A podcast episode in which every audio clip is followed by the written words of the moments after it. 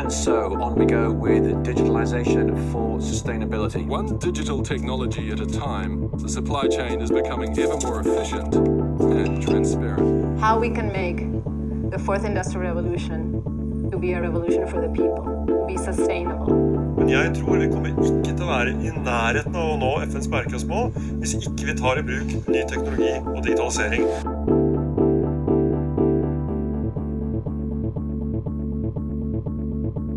I dagens episode av Bærekraftseventyr så skulle en jaggu tro at vi spilte bullshit-bingo, Sveinung. For her skal vi altså snakke om det digitale skiftet og det grønne skiftet i en og samme episode. Og vi skal mer spesifikt snakke om sammenhengen mellom dem, og, og hva de har med hverandre å gjøre. Det er jo fristende å hive på en, et bullshit-begrep med en gang. Jeg tror det er på grensen til disruptivt, det vi skal snakke om i dag. Altså. Og dette er jo ikke et tema som det er få som tenker på om dagen, sammenhenger mellom disse to skiftene. Så, så, det er jo sånn sett ikke revolusjonerende å ta opp dette spørsmålet. Men dette var jo et spørsmål som ble stilt oss her for noen uker siden. I høyeste grad. Det er et spørsmål vi får i ulike former, og øh, både positivt ladet med de med bedriftene som, som, ønsker å utforske det, men det hender jo også at vi får kritiske spørsmål knyttet til dette. her. Er det, eh, apropos bullshit-bingoen, hvor øh, hvor er det realiteten stopper her, og hvordan er det den reelle påvirkningen da, på miljøet. Eh, altså Jeg skal prøve å, omformulere det. Er, det. er det en realitet i det, eller er det, er det for mye teknooptimisme? Altså en eller annen tro på at bare vi finner den uh, teknologien eller den digitale løsningen som gjør at det vi i dag kaller produktet f.eks. blir tilgjengeliggjort som en, en tjeneste, er det bare en sånn fantasi Eh, som, som, egentlig ikke leder til uh, kall det en mer bærekraftig utvikling. Og vi, vi, fikk jo to versjoner av dette spørsmålet stilt. Eh, innenfor bare noen få dager så var det først en, en forretningsutvikler i en bedrift som jobber med digitalisering, som spurte er det egentlig slik at det er de digitale forretningsmodellene som er de virkelig bærekraftige forretningsmodellene? Så Det var jo én versjon av dette spørsmålet. og og et annet spørsmål det dukka opp i en, en executive-samling som vi hadde for, for ledere i, i, regi av NHH Executive eh, bare noen dager etterpå. Og Da var det en som sa, eh, eller spurte, rettere sagt, hvor viktig vil det digitale skiftet komme til å være for å lykkes med det grønne skiftet? Og er det kanskje sånn at de nasjonene som har kommet lengre i dette digitale skiftet, har liksom en slags førstetrekkfordel i det digitale skiftet. Og Det er jo disse spørsmålene her eh, Sveinung, som eh, skal motivere samtalen vår i denne episoden. Det er jo spørsmål og, og tilnærminger som motiverer mange samtaler vi har. Og, og, og mye av det vi har uh, forsøkt å utforske og, å svare på, faller jo innenfor disse her to, uh, altså det grønne og, og det digitale. Uh, og Det er ikke så lett å svare på, men jeg lurer på om vi skal begynne Lars Jakob, å, å dra opp uh, noen trender. Skal vi gjøre det? Så skal vi se på noen litt sånn overskrifter her før vi går inn i det, eller, eller er det noen eksempler du har lyst til å begynne med for å, for å dra det i gang? Nei, Jeg vil gjerne inn i disse trendene, men, men siden du spør, så, så ble jeg sittende og tenke her på den første gangen jeg og du ble sånn ordentlig ordentlig motivert til å, å, å begynne å grave i, i, sammenhengen mellom eh, digitalisering og, og kall det grønn innovasjon. For i dag har jo vi mange både forskningsprosjekt vi er involvert i, og, og, og nær sagt også bedrifter som vi, som vi jobber med, og, og, til og med jobber i, noen av dem. Eh, som, som, befinner seg akkurat i dette skjæringspunktet. her. Men en av de første gangene husker jeg, eh, dette virkelig kom på agendaen vår, det var i forbindelse med en workshop i Paris. Der vi ble sittende etterpå i, i baren, som seg hør og bør, sammen med en, en leder fra eh, Credit Suisse sin real estate eh, arm. altså Det er vel en, eh, det er vel en frittstående, det er vel ikke bare et forretningsområde, det er vel en egen virksomhet i Credit Suisse-konsernet. Eh, og, og, Det er jo en av Frankrike sine aller største eiendomsforvaltere og, og eiere av eiendom. Og, og, Hun fortalte en anekdote om når denne virksomheten hadde kobla sammen sine eh, både strategier for, men også nær sagt avdelinger som jobber med henholdsvis digitalisering eh, og bærekraft. Fordi at Begge disse to tingene var jo satsingsområder strategisk for virksomheten allerede den gangen. og Da snakka jo hun om altså perioden 2014-2015, tenker jeg hun peker tilbake mot. Uh, og, og, de hadde jo jobba med noen uh, omfattende målsettinger og strategiske satsingsområder på begge. Men som hun sa, dette arbeidet ble jo ordentlig forløst, og spesielt i et sånn lønnsomhetsperspektiv, som, som denne typen ledere veldig ofte vil være opptatt av, når disse to arbeidene ble, ble uh, nær sagt kobla sammen. Og Da brukte hun ett eksempel. og dette eksempelet er jo nå en teknologi som, som er begynt å bli ganske vanlig og utbredt i sånn proptech eller property technology-kretser i dag. Eh, nemlig dette med, med, prediksjon av, og dermed tilpasning til eh, værforhold noen dager eller uker fram i tid. Fordi at Credit Suisse har jo lenge, som veldig mange andre eiendomsforvaltere, operert med eh, disse typene sånne prediksjonsmodeller for hvordan været vil komme til å bli, og så strømstyring i alle eiendommene deres. Eh, slik at en skrur opp og ned temperaturen i påvente av eh, den beste gjetninga om hvordan været skal bli eh, på, på, fredag eller på mandag. Og, og, på den måten fortalte hun, så hadde jo de eh, spart veldig veldig betydelige mengder energikostnader, fordi at de begynte å skru sakte ned eller sakte opp eh, temperaturen i alle disse byggene som de hadde kontroll over. Eh, noen dager før, slik at de henta inn den sakte, men sikkert den eh, temperaturstigninga eller synkinger som måtte til, uten at det kosta så mye som det ville gjort hvis de plutselig skrudde opp temperaturen eller skrudde opp ventilasjonsanlegget akkurat når alle andre gjorde det, og, og piken på, på, prisen kom. Og Dette kunne hun spore rett ned til regnskapsresultatene til, til uh, selskapet, sa hun. Og, og, den der forløsende greia som hun peker på, da, at her sitter en gjeng her borte i enerommet og, og klør seg i hodet og spør seg hva er det vi skal gjøre digitalt for å forbedre prosessene våre. Og så sitter det en annen gjeng her borte og spør seg ja, hvordan kan vi levere bedre på nøkkel-KPI-ene våre på bærekraft, enten det er, utslipp eller energieffektivitet eller vannforbruk eller hva det måtte være.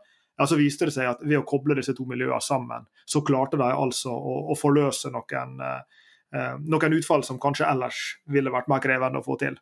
Eh, og fra fra det der Sveinung, så har vi jobba oss gjennom mange ulike bransjer og ulike typer bedrifter som forteller om lignende typer eh, forløsende øyeblikk i, i krysningspunktet mellom disse to skiftene.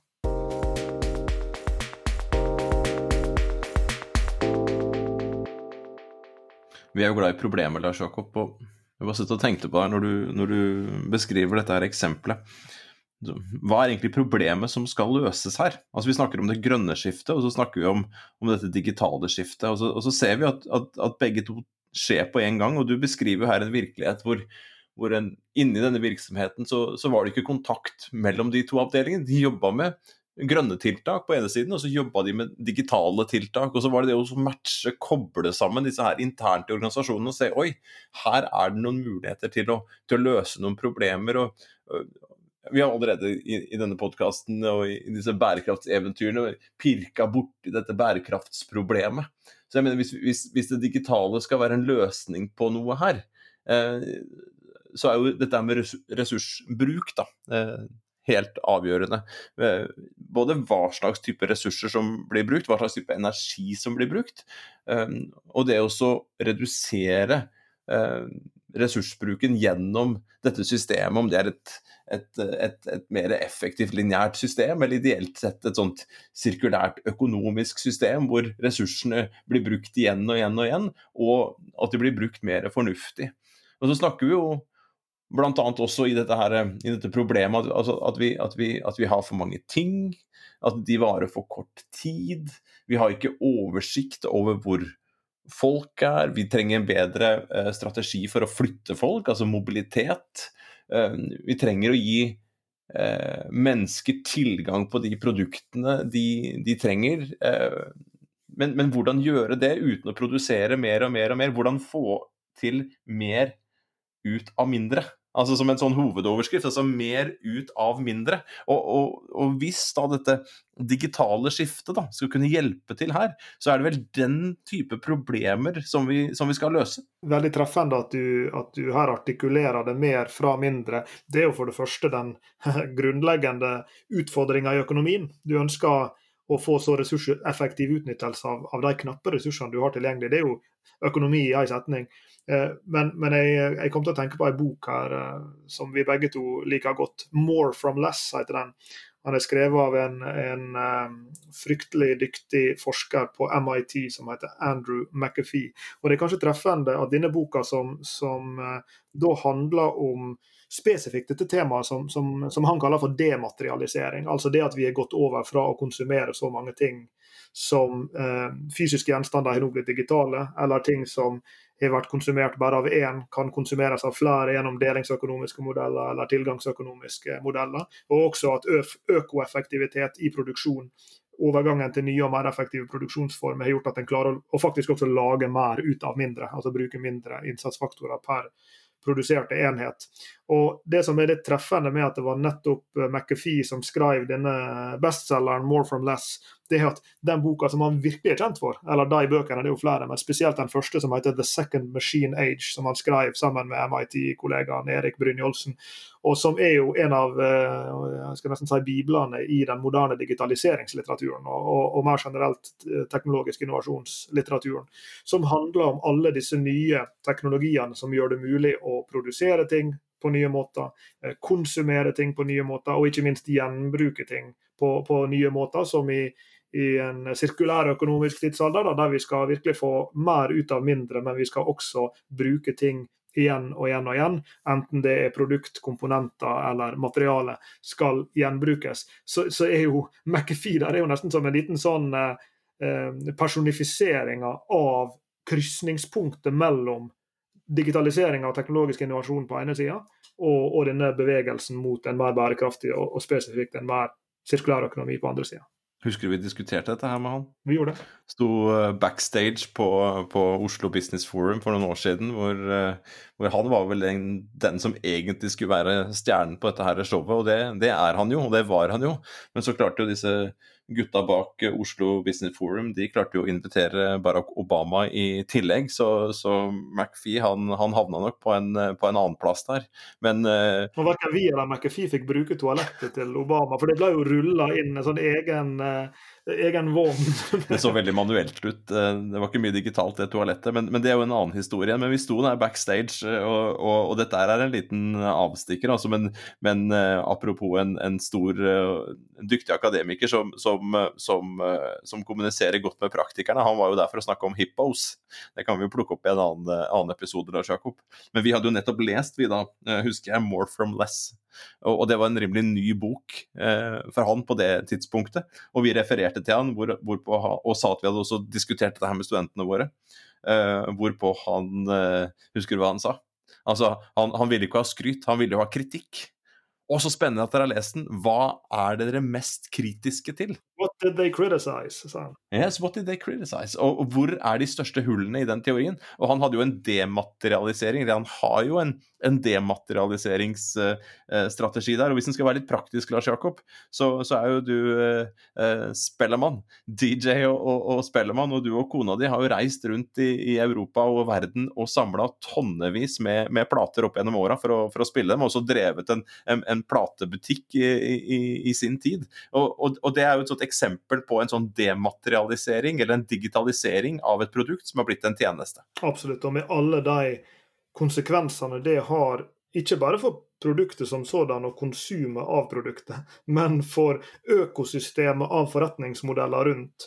Jeg syns jo sånn i et forretningsmodellinnovasjonsperspektiv Nå begynner vi å havne ute på vidden her, altså, men, men, så er det ikke mye som, som, er mer spennende enn musikkbransjen i hvordan et økosystem av forretningsmodeller har endra seg som følge av, en, av et digitalt skifte. da.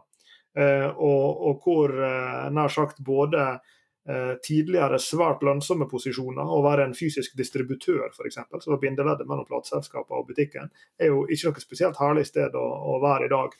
Eh, og, så, så disse, denne dematerialiseringa du beskriver, det får jo enorme konsekvenser for, eh, for bransje etter bransje. og ref tilbake til det kritiske blikket du tok innledningsvis.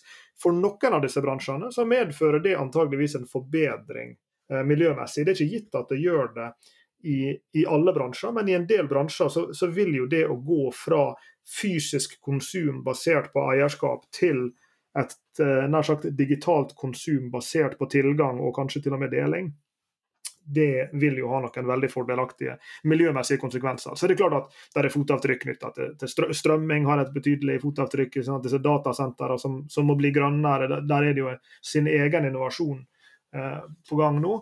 Eh, men, men dette er jo og Her er jo platebransjen bare ett eksempel på det, men, men liksom alle disse typene konsum som har gått fra å være fysiske til å være digitale, og, og nær sagt dominoeffektene det får inn i andre forretningsmodeller, inn i samme bransje og, og til tilstøtende bransjer, det er jo en, en stor del av, av disse skiftene som som vi snakker om her.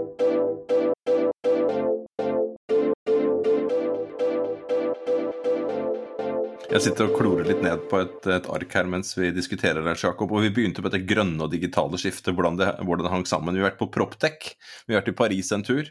Eh, vi har vært på backstage i Oslo Business Forum og, og, og, snakket om dematerialisering og dette med musikk. Så både Proptech og musikk det er jo to litt sånn ulike former for digitalisering. altså Hvor du har det fysiske byggene, og så bruker du da data til å styre temperatur, f.eks. Som gjør at du kan redusere kostnadene til denne store aktøren.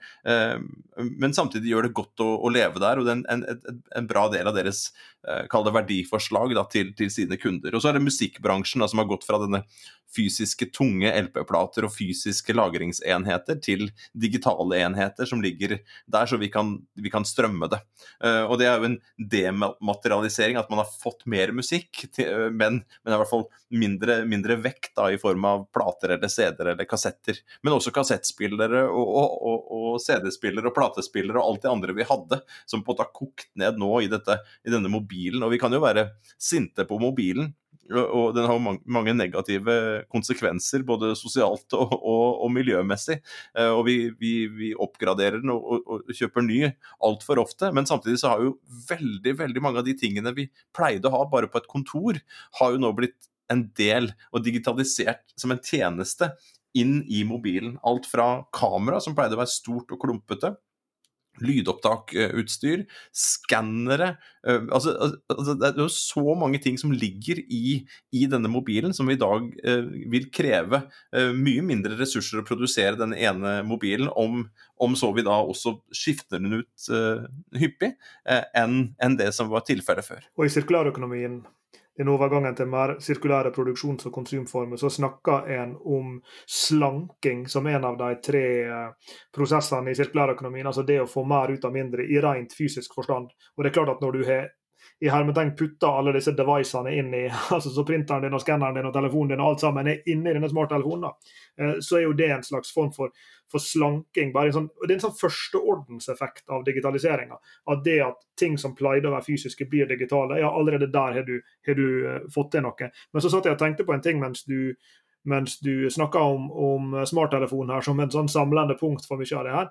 Og det er jo, ja ok, Så hva er annenorden? Hva er liksom det neste nivået? da? Jo, det er jo at denne, eh, disse teknologiene gjør det mulig å, å endre atferd. Altså, de gjør det mulig annet, og, og det er kanskje en av de virkelig store eh, effektene, er jo at de muliggjør en koordinering eh, som, som, tidligere var mye mer krevende å få til. Fordi etter hvert, ikke minst som ting blir enten kobla opp mot nettet sånn direkte, slik som en, eh, en, en telefon er, men, men, også etter hvert som du får sånne Internet of Things-sensorer på, på, store og små ting, så kan de også kommunisere med, med eh, nær sagt eh, datamaskiner og andre devices. Så, så f.eks. avfallsdunkene rundt omkring her i Bergen nå, de har jo alle en sånn liten RFID-brikke, så du kan vite akkurat hvor de er og hva som er oppi dem, eller i hvert fall eh, hvor, hvor, tungt det er, det som er oppi dem. Så her er massevis av, av, av eh, dumme ting i hermetegn som blir smarte ved at de kan kommunisere på denne måten. Og det muliggjør koordinering.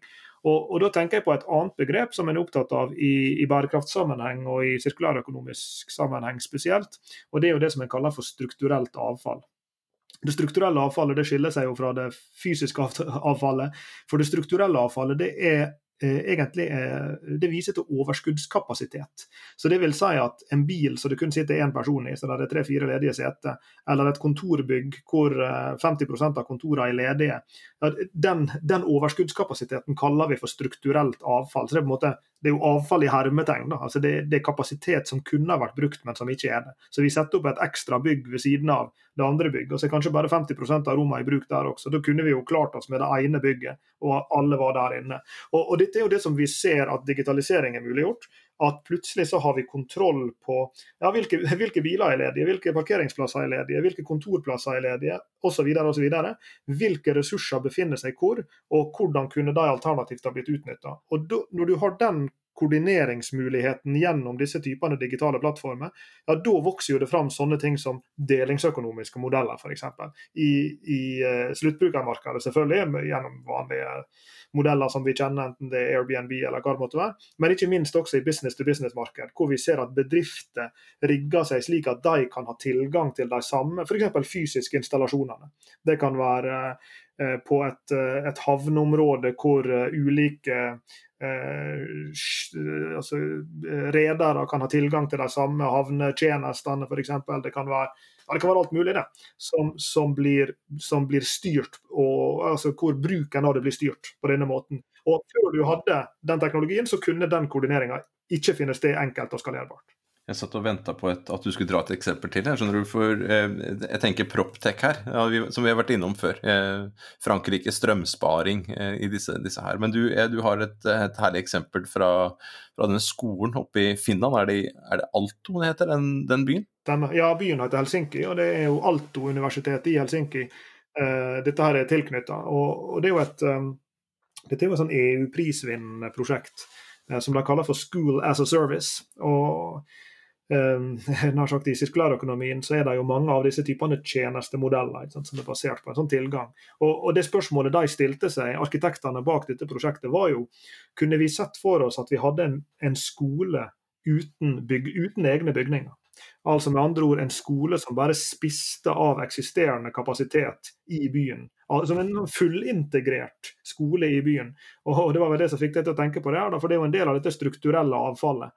For når det da står fotballbaner som er tomme, som idrettsklubben eier. Og når det står eh, rom ledige på biblioteket, ja, da kan vi ha finskundervisning på biblioteket inne i byen. Vi kan ha, ha gymtimer på, på fotballbaner som idrettsklubben ikke bruker før i ettermiddag. Vi kan ha sløydtimer på, på trelastaktøren eller sagbruket borti gata her. Men da trenger vi Altså Skolen blir jo da egentlig redusert til en, en, på mange måter en digital app og en liten administrasjon som styrer den. Eh, slik at en vet hvor klasse 1A og 3B og 7C skal være til enhver tid, og at alle de får oppfylt alle sine læringsbehov og aktivitetsbehov innenfor den infrastrukturen som allerede er der. Og Der kan vi bare tenke oss, tenke oss videre, for her har du nevnt dette med denne, denne, skolen, du har nevnt dette med strukturelt avfall og hvordan man styrer dette her. Og, og det var i en by. Ehm, men tenk også i den samme byen. Eh, hvor mange parkeringsplasser er det til enhver tid, og, og hvem er ledig? Hvordan kan dette integreres eh, i, i, kart og andre typer tjenester? Um, I dag så plukker vi opp uh, Google sitt kart eller Apple sitt kart, og, vi bruker det. En følelse av å være gratis. Det er nok noe data om oss og andre som selges. Noen tjener jo gode penger på det, men det er jo gratis, i hvert fall sånn pengemessig, å bruke det for oss. da. Uh, og Tenk hva det har betydd, det å ha uh, denne, denne, tilgangen til, uh, til, informasjon, og hvordan andre typer tjenesteleverandører kan legge seg oppå dette her. Så Nå nevnte du skole, hvordan det kunne drives. parkering. du kan få tak i Og du nevnte dette med, med delingsøkonomi tidligere. få tak i Det er jo mange som hater dem, disse sparkesyklene f.eks.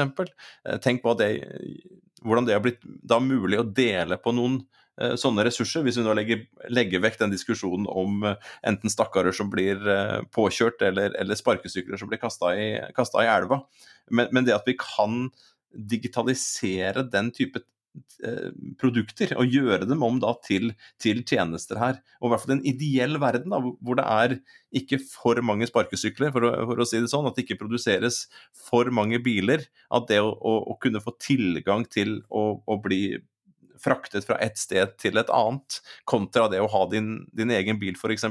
Hvis det bare leder til enda flere biler og enda mer trafikk, så er det jo negativt. Men hvis vi klarer å styre disse, og da er vi tilbake der hvor vi startet. En ting er liksom hovedoverskriften, det grønne og digitale skiftet. Eh, og så spurte jeg, og vi satt og diskuterte hva er det som er eh, problemet. Og det er jo et bærekraftsproblem her i, i bånn. Dekke dagens behov uten at det går utover morgendagens eh, Altså mulighetene til folk å dekke sine behov eh, i morgen. Og så er det en annen trend som går inn her, og som vi også har vært inne på på flere ulike måter. altså Kall det den fjerde industrielle eh, revolusjon. Eh, og, og, også den tredje, oss kunder og andre kall det interessenter. Eh, hva er det vi forventer? Hva er det vi forventer når vi jobber et sted? Eh, tenk nå bare på, på det, som, det, som, har skjedd det siste året med, med vår egen institusjon, NHH og hele universitetssektoren, både nasjonalt og internasjonalt. Hva som ikke har skjedd med um, måten vi jobber på, uh, måten vi underviser på, måten vi forsker på, måten vi ikke beveger oss på lenger. altså Alle de møtene, alle de menneskene vi møter nå i digitale kanaler, og hvor akseptert det har blitt at, at, eh, at det er måten å, å, gjøre det på. Og Her er det en slags digitalisering av en hel sektor, en sektor har, hvor vi har reist noen vil påstå altfor mye. Vi er liksom verdensledende på det å, å, å bruke, bruke, fly.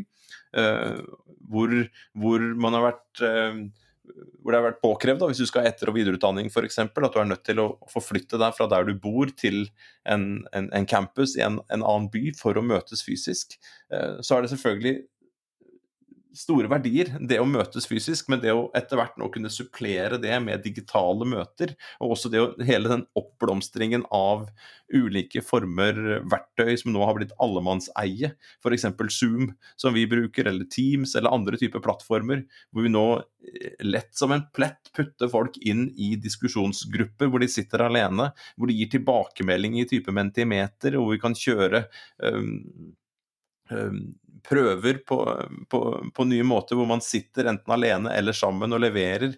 Eh, bare få, Det er jo ikke så mange år siden Lars Jakob, vi satt og leste, prøvde å lese eksamensbesvarelse hvor disse stakkarene satt med, med, med, kulepenn og gjennomslagspapir, og så fikk vi liksom nummer to og nummer tre, kanskje, uh, i, i, den rekken av kopier, og satt der opp mot lyset og prøvde å forstå hva disse stakkarene Det var liksom blod, på, blod fra fingeren, de skrev jo aldri ellers, ikke sant? men, men det, det hang igjen så lenge. Og nå har det jo skjedd digitalisering veldig veldig raskt, både av universitetssektoren, men også av, av, eh, av andre, andre sektorer også. Og, og, hvordan er det det endrer kunder, studenter, pasienter og andre sin oppfatning og forventning om hvordan ting skal være. Altså den Koblinga mellom denne fjerde industrielle revolusjon og disse ulike kunde, Eh, disse, disse, endrede kunde- og interessentpreferansene, det syns jeg er veldig spennende. Og Det er jo i år blitt avholdt et utall doktorgradsdisputaser eh, på NHH og andre sted via Teams og Zoom og hva det måtte være. Eh, og, Det var jo liksom sånn en, en, uhørt tanke før at en sånn, sånn viktig, høytidelig greie skulle finne sted i den der flate 2D-virkeligheten der. Men, men, hvor lenge er det til den første doktorgradsdisputasen, eller for den del den første muntlige eksamen med, med en student eller, eller forelesninga på NHH blir gitt ved hjelp av VR-teknologi eller AR-teknologi, hvor vi går inn i samme rom og, og ser hverandre stå der med, med sagt, Da ser vi vel ikke VR-brillene, men vi, jo, vi, befinner oss jo inne i dem. Eh, og det er klart at dette, dette vil jo komme, så disse rikere eh, disse rikere opplevelsene der, de, de er vel neste skritt. Men, men det som slår meg da, Eh, når du snakker om det digitale skiftet, igjen her da, trekker det tilbake til utgangspunktet, det er at vi burde vel kanskje tillate oss å utvide kampsonen litt her, og også snakke om andre teknologiske innovasjoner, eh, altså nær sagt på toppen av de digitale, som er viktige i, eh, i å fremme, eh, kall det bærekraftsrelaterte innovasjonsutfordringer. Og Da har jeg litt lyst til, fordi du nevnte i stad dette med disse ulike trendene og, driverne som, som, ligger under disse skiftene, eh, så har jeg litt lyst til å peke til en bok fra, fra 2015 av Klaus Schwab, som vel er en av uh, mennesker bak uh, World Economic Forum, som det som mange kjenner til, og som det er delte meninger om, eh, om, om deres arbeid. Men de har vært viktige i, i å sagt sette en del av disse utviklingstrekkene på agendaen, både for, for næringsliv og for samfunnsliv mer generelt. Og denne lille boka til, til Schwab som heter 'The Fourth Industrial Revolution', den, eh, det er jo en lettlest liten sak der han tar for seg tre hovedsakelige drivere som, som, han mener ligger under denne såkalte fjerde industrielle revolusjonen. Altså denne, denne omfattende, dette omfattende skiftet fra en, eh, en verden hvor jo, vi har allerede hatt en IT-revolusjon, vi har allerede hatt en digital revolusjon. Men, men denne kombinasjonen som han snakker om da i denne boka, av mange ulike teknologiske skift som på en måte eh, vipper oss inn i en, i en helt ny eh, det innovasjonsbølge som, som endrer systemer som vi, som vi opererer innenfor.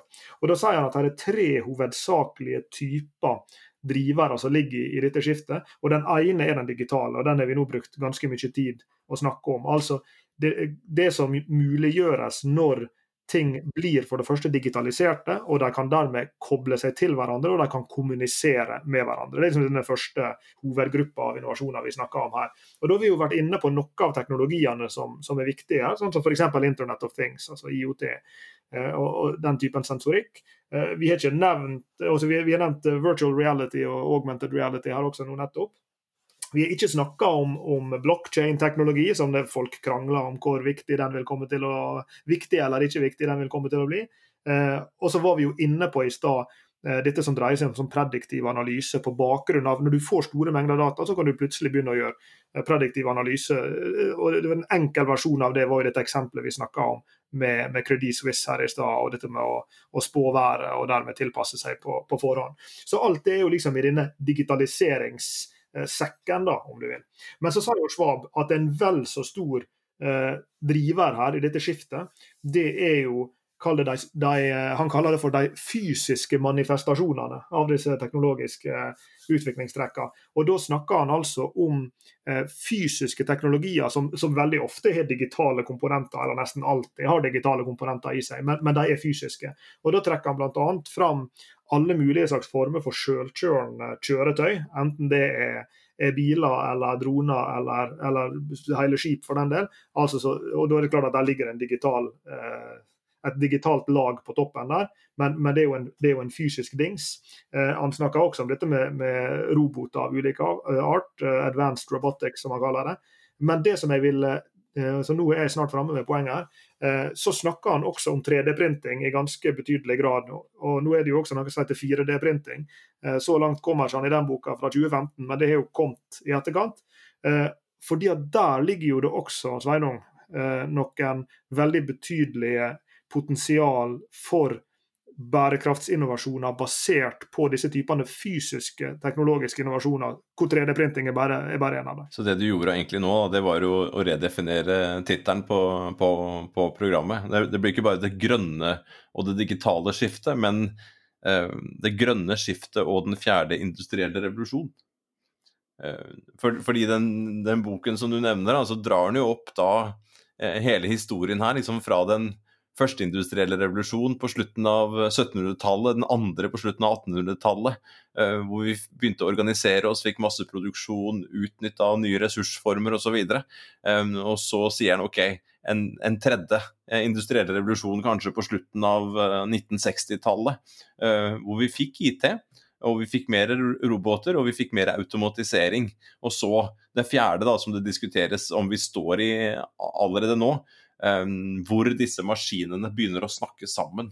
Uh, og, og, Vi kan jo gå tilbake til den opprinnelige tittelen dette her med digitalisering og disse dataene. Hva er det disse dataene um, gjør, gjør, mulig? Uh, og, og uh, Vi får jo komme tilbake til en senere episode, tror jeg, Lars Jakob. For når vi begynner å gå inn på dataen da, og maskinlæring, ikke sant? Altså, hvordan er det man da kan styre husene bedre? Hvordan man kan styre Eh, disse eiendommene bedre, byene, ressursstrømmene.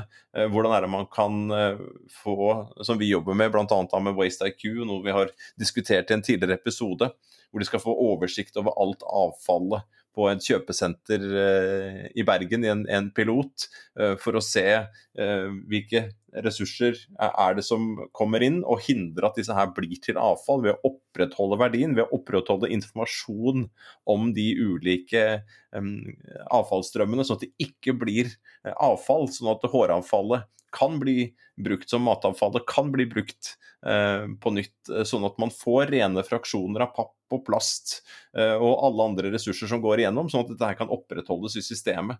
Og Da kreves det jo en digitalisering, og det krever sensorikk, og det krever at man henter inn disse dataene i et sånt uh, Internet of Things-system, sånn at man kan planlegge, sånn at man kan uh, forbedre logistikken i, i, systemet og ta ut disse ressursene og, og gjenbruke dem.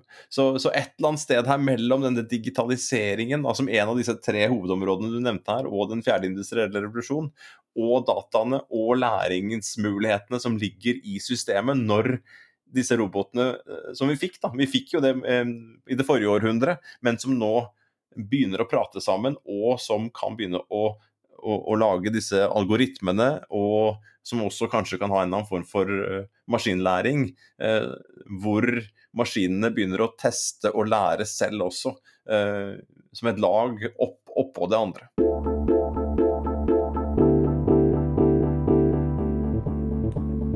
Ja, for Det er jo dette som mange av, av de som er eksperter på, på teknologisk innovasjon, snakker om. Det er jo at de revolusjonerende skiftene de kommer jo som regel når du kobler sammen flere av disse teknologiene. Altså når, de, når du nær sagt beriker eh, robotikken med maskinlæring, da, f.eks., som, som du er inne på. Og, og der, er jo, der er, jo, um, er jo, det mange nå i, i, eh, i produksjonsbedrifter f.eks. Som, som ser effektene av, eh, av 3D-printing på produksjonseffektivitet, og også på noe så eh, basalt som lagerstyring. Altså, nå har jo alle fra altså Levis har vel 3D-printa sin første jeans for fryktelig lenge siden. De har vel spådd veldig lenge at fremtidens eh, nær sagt eh, fashionmarked skal være et on demand printing-system på bakrommet. Altså at du går inn i butikken, at du får se jeansen på deg sjøl ved hjelp av AR-teknologi, og så sier du den vil jeg ha, og da printer de den på, på bakrommet. sånn enkelt sagt, da. Det vil sikkert se annerledes ut enn akkurat det der. Men, men så denne koblinga mellom teknologiene som gjør det mulig for deg å se ting som du kanskje skulle ønske deg, og så er det en teknologi som raskt kan skaffe deg det. Da, slår du på en måte mange, mange fugler i en smekk der, da, ved at du, du løser noen input-faktorproblem, ved at du kan produsere mindre on demand for å møte den etterspørselen som finnes når det trengs. Eh, du kan bruke disse teknologiene til å i mye større grad skreddersy det som kunden vil ha når de vil ha det, slik at du ikke får en situasjon hvor kunden går inn i butikken og må velge mellom det som finnes der, men hvor kunden kan gå inn og få en meny og kanskje til og med gå inn via en nettside, ikke sikkert skal være en butikk engang, men, men gå inn et sted og få sett ja, hva er menyen av til, ting jeg kan få tilgang til, og så er det da teknologier som kan, kan skaffe det for deg. Så her er jo et eller annet her at når du begynner å legge lag på lag av disse ulike teknologiene oppå hverandre, ja, da kan det endre eh, helt radikalt produksjonskjeden. Det kan endre helt radikalt distribusjonskjeden. Det kan endre helt radikalt konsumopplevelsen, både for den enkelte kunde og for nær sagt eh, totaliteten av kunder som kanskje av og til da kan konsumere av de samme ressursene, enten parallelt eller sekvensielt. Og det kan muliggjøre eh, en større grad av eh, Eller andre former for og en, en økende grad av gjenbruk av disse produktene, hva de nå er. Så hvis det er noen der ute da, som lurer på hvorfor vi er opptatt av forretningsmodeller, og hvorfor vi bruker forretningsmodeller som et verktøy for å både forstå og endre eh, praksis, så er jo det nettopp derfor. Du, du, nevnte her nye produkter, nye prosesser, nye måter kanskje å ta betalt på, nye måter å forstå samarbeid mellom virksomheter på. Eh, ja, vi, vi, vi, henter jo det inn i forretningsmodellen, også denne, denne systemet av et økosystem av forretningsmodeller som må virke sammen. Og Der kommer jo dette digitale som et lag potensielt uh, over uh, alle sammen, som, som, gjør dette her uh, mulig på, på, nye måter. Skal vi, skal vi, si at vi har skal vi, prøve, skal vi prøve å snøre sammen sekken litt, Lars Jakob, her avslutningsvis, rundt dette, dette åpningsspørsmålet vi fikk, og som vi ofte får? Altså sammenhengen mellom det grønne og det digitale skiftet. Vi begynte jo med å med å, å, forklare nær sagt hva de hadde med hverandre å gjøre rent sånn funksjonelt i, i, en bedrift. altså Vi snakker om disse to problemene som en bedrift skal løse. Da. Vi skal digitalisere og vi skal bli grønnere. og Så sier vi at, at her er det noe slags sammenfallende eh, i de to um, utfordringene. Eh, men så er det jo sånn, eh, en teknologi er jo bare så god som, eh, som sin anvendelse. Altså med andre ord, Han er bare så god som den måten han kan, kan løse noen problem på. Og så er vel det vi sier at, at jo, her er noen problem med slik bærekraftsproblemer har blitt identifisert. da. Vi bruker ressurser for ukritisk og sløsende. Vi, vi, vi, vi, kaster vekk for mye i produksjonsleddet, vi kaster vekk for mye i distribusjonsleddet, vi kaster vekk for mye i konsumleddet. Og alle disse stedene, anvendt på riktig måte, kan te disse teknologiene være med på å løse de eh, problemene for å få, som da Andy McAfee eh, artikulerer i tittelen på boka si, 'more from less'. Altså vi kan være smartere i måten vi produserer, distribuerer, bruker og gjenbruker eh, produkt på. Og så kunne du sikkert ha tatt dette her motsatt vei også. Du kunne sikkert hatt en podkast som het 'Teknologieventyr' med en eller annen fyr og en eller annen fyr. Eh, og så kunne de sagt ja, dette grønne skiftet, hvordan kan det egentlig informere dette som vi er opptatt av, som er det digitale skiftet. Så det er sikkert en, et sånn utside inn, innside ut-blikk her også, som du kunne tatt fra den sida. Men, men at det er noen sammenfallende problemer og noen sammenfallende typer løsninger det, det, det, tror jeg er veldig, veldig tydelig. Og, og vi ser at bedriftene i større og større grad omfavner disse lurer på jeg, om vi skal eh, avslutningsvis eh, strekke ut en hånd til eh, en eller flere av våre lyttere der ute som, som, har hørt på denne episoden, og som da kan være så snill å lage et bingoskjema til oss. Så vi kan legge det ved på, på, på, på, hjemmesiden vår når vi skal dele dette her. For, vi har dekka mange begreper nå. Så jeg tror vi har vært over rimelig mange eh, abstrakte begreper. Noen vil kanskje si at det er buzzwords. Eh, I, I, vår hverdag så oppleves det ikke sånn. I vår hverdag så oppleves jo disse begrepene og disse sammenhengene som, som veldig konkrete. Altså med de bedriftene som, som forsøker da, å, å, å, løse problemer på, på, på nye måter her ved å bruke ny teknologi, sånn overordnet, apropos den fjerde industrielle revolusjon, og, og, særlig dette her som handler om, om digitalisering. Da. Men eh, når det er sagt, så, så, hjertelig velkommen til å sende inn forslag til, eh, til eh, eventyr alfakrølljorgensenpedersen.no på bullshit-diagrammer, eller hva det heter for noe, disse bingo-skjemaene. Bingo, Takk for samtalen, Svein. Takk for det. Du har hørt på Bærekraftseventyr med Jørgensen og Pedersen. Send e-post til eventyr krøllalfa jorgensenpedersen.no for å stille oss spørsmål eller komme med forslag til tema for fremtidige episoder. Og besøk jorgensenpedersen.no for mer informasjon om denne podkastserien. Derfra kan du også fortsette samtalen med oss i sosiale medier på Twitter, Facebook, LinkedIn, YouTube og andre steder.